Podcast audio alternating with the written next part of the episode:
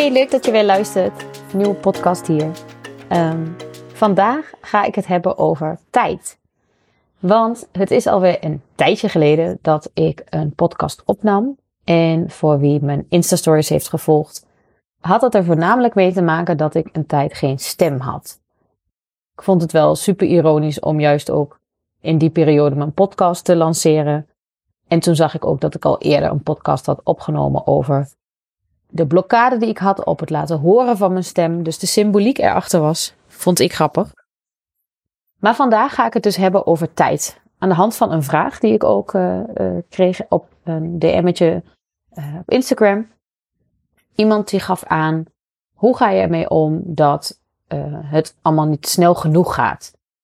En daar voel ik ook een soort tijdsdruk in, in die vraag.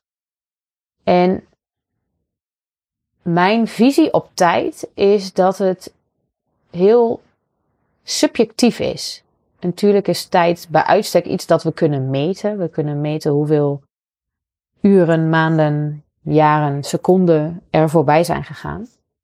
En toch weet ik zeker dat je allemaal een gevoel kan herinneren dat een uur wel een dag leek. En ook dat de tijd voorbij vloog. En dat is hoe ik vooral het gevoel van tijd wil benadrukken in, in deze podcast. Want meestal onderschatten we wat we in uh, een jaar kunnen bereiken. Maar overschatten we wat we in een werkdag kunnen bereiken. En misschien herken je dat wel als je agenda beheert. Dat je hem aardig ambitieus vol plant van afspraak naar afspraak met soms amper tijd om zelf even naar de wc te gaan of even te eten. Of vergeet je soms reistijd erbij in te plannen. Of voorbereidingstijd of bijkomtijd. Terwijl juist ook die schakelmomenten zo belangrijk zijn om weer los te komen van de ene afspraak en je weer in te checken bij jezelf en weer voor te kunnen bereiden op een volgende afspraak. Maar dat is nog maar gewoon een alledaagse werkdag. Hoeveel tijd neem je om vakantie in te plannen? Um, hoeveel tijd neem je om ook leuke dingen te doen? En als je die tijd dan neemt, geniet je daar dan ook van? Of ben je dan eigenlijk in je hoofd bij alles wat je had moeten doen? En een van de blokkades die ik best vaak hoor, is dat mensen klagen: ja, daar heb ik geen tijd voor. En om je even een beeld te geven, het is als ik dit opneem half tien s'avonds op een dinsdagavond na een lange werkdag. Terwijl ik net een uur bij Nina heb gelegen die overgangen lastig vindt uh, om in slaap te vallen. Dus ik zou met nog een wasmand die ik zou kunnen opvouwen, kunnen zeggen: Ik heb geen tijd om een podcast op te nemen.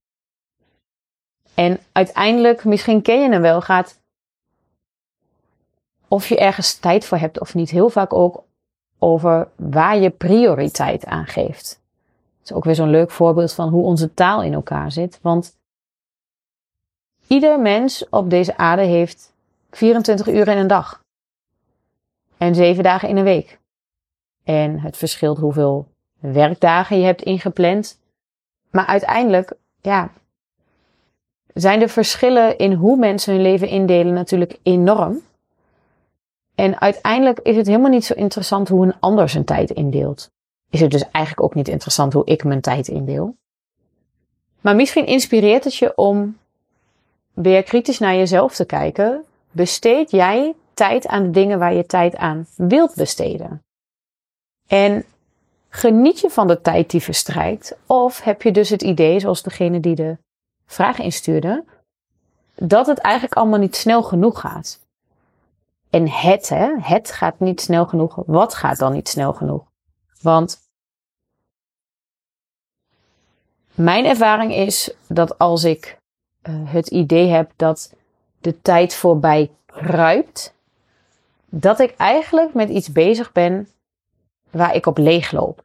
Dus dat ik mijn tijd besteed aan iets waar ik eigenlijk mijn tijd liever niet aan wil besteden. En wat het ook bij me oproept, is dat het voelt alsof je een race loopt. Ehm, en dan vraag ik me af tegen wie dan?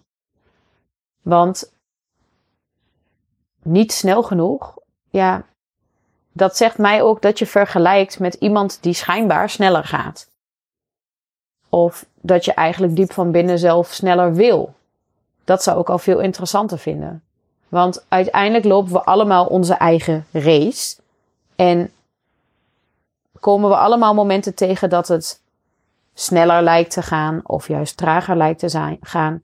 En wat ik altijd hele mooie vind van tijd om te kijken naar hoe onze maatschappij ingericht is, is eigenlijk een hele lineaire beleving van tijd. Dit is het begin van de week, dat is het eind van de week. Dit is het begin van de dag, het eind van de dag. Begin van het jaar, eind van het jaar. Terwijl met name wij als vrouwen en ook meiden staan veel meer in de cyclische beleving van tijd. En om dan te zien wat ik daarmee bedoel, als je daar nog niet veel van weet, is dat je of mee kan leven met de verschillende fases in je menstruatie. Uh, maar ook als je uh, nog niet menstrueert of al in de overgang bent, uh, of misschien anticonceptie gebruikt, waardoor je niet een, een uh, biologisch ritme zeg maar hebt, kun je kijken naar de standen van de maan. En als je zelfs dat nog ingewikkeld vindt, kun je in ieder geval kijken naar hoe de natuur dat doet. Want ja, weet je, bloemen kunnen wel klagen dat de winter te lang duurt. Maar het goede nieuws is dat er altijd een voorjaar volgt. En daar zit ook een soort troost in en ontspanning in. Ja, het ene jaar sneeuwt het nog tot later in het voorjaar. En uh, het andere jaar hebben we een langere nazomer. En uiteindelijk wordt het vanzelf weer winter. En ook uiteindelijk wordt het vanzelf weer zomer. Um, dus als je daar um, op kan vertrouwen en je mee kan verbinden, zul je ook een hele andere relatie met tijd krijgen. Ik heb zelf ook dagen dat ik, nou, terugkijk en zie wat ik allemaal op een dag gefixt heb. Dan denk ik, nou, weet je, petje af. Zoveel had ik nooit gedacht dat ik in één dag voor elkaar zou kunnen boksen. En er zijn ook dagen dat ik denk, ja, het is nu al bijna tegen de middag. Nou, we zijn net aangekleed en er heeft iemand gegeten, maar ik ben het niet. Dus waar is die tijd gebleven? En de grootste les die ik daar zelf in heb mogen leren is overgeven aan het natuurlijke ritme. En uiteindelijk is de beleving van tijd komt bij mij vandaan. En hoe ik het moment beleef, kleurt of ik de tijdsbeleving positief of negatief inkleur. En dat is ook wat ik jou mee zou willen geven, is vergelijk jezelf alleen met wie jij gisteren was, of wie je vorig jaar was, of wie je tien jaar geleden was. En laat dan degene die je wilt zijn ook kleuren hoe jij je tijd indeelt en waar jij prioriteit aan geeft. En het is misschien niet het antwoord wat je wil horen, maar vaak als je het idee hebt dat het niet snel genoeg gaat, is het of omdat je niet je tijd indeelt met de dingen waar je energie van krijgt, of omdat je in de winter zit, maar zo te zeggen, en afdwingt dat het al volle zomer moet zijn. Dus kun je ook achteroverleunen en ontspannen dat heel veel dingen ook een bepaalde ontwikkeltijd hebben voordat het zichtbaar wordt. En als je naar buiten kijkt in de winter en je ziet allemaal zwarte grond, kun je wel balen dat er geen bloemen zijn. Maar je weet ook, onder in die grond, ook al zie ik het nog niet, worden al wel voorzichtig worteltjes gevormd. Het is allemaal broodnodige voorbereiding, zodat straks in het voorjaar die knopjes omhoog kunnen komen en straks in de zomer er een mooie bloemenzee is. Dus ik ben benieuwd wat dit bij jou oproept en of dit je kijk op tijd ook verandert. En uh, ben ik ook benieuwd hoe jij de tijd hebt gevonden om deze podcast te luisteren. En wat is jouw truc om je tijd te besteden aan de dingen die je energie geven? En nou ja, nu ik het daar zo over heb, denk ik, een van de andere dingen kan ook zijn dat je dus je tijd um, efficiënter indeelt. En bijvoorbeeld dingen uitbesteedt waar je geen energie van krijgt. Zodat je, wanneer je het dichtst werkt met je talenten, um, kun je het meest gedaan krijgen in het minst mogelijk aantal uren. Omdat je daar talent voor hebt en daar efficiënter in kan werken en het je minder moeite kost. Dus ook daar mag je prioriteit aan geven. Dat je jouw tijd indeelt met activiteiten die eer doen aan de kwaliteiten die je hebt. En dan zul je ook merken dat mensen je tijd meer gaan waarderen. En als je ondernemer bent, mag je dan dus ook laten zien welke waarde er aan jouw tijd hangt. Nou ja, dat is misschien nog iets, een keer een onderwerp voor een volgende aflevering. Um, voel je dus vrij om vragen in te sturen en uh, laat me weten als je geluisterd hebt. Dat vind ik leuk. En, uh, tot de volgende keer.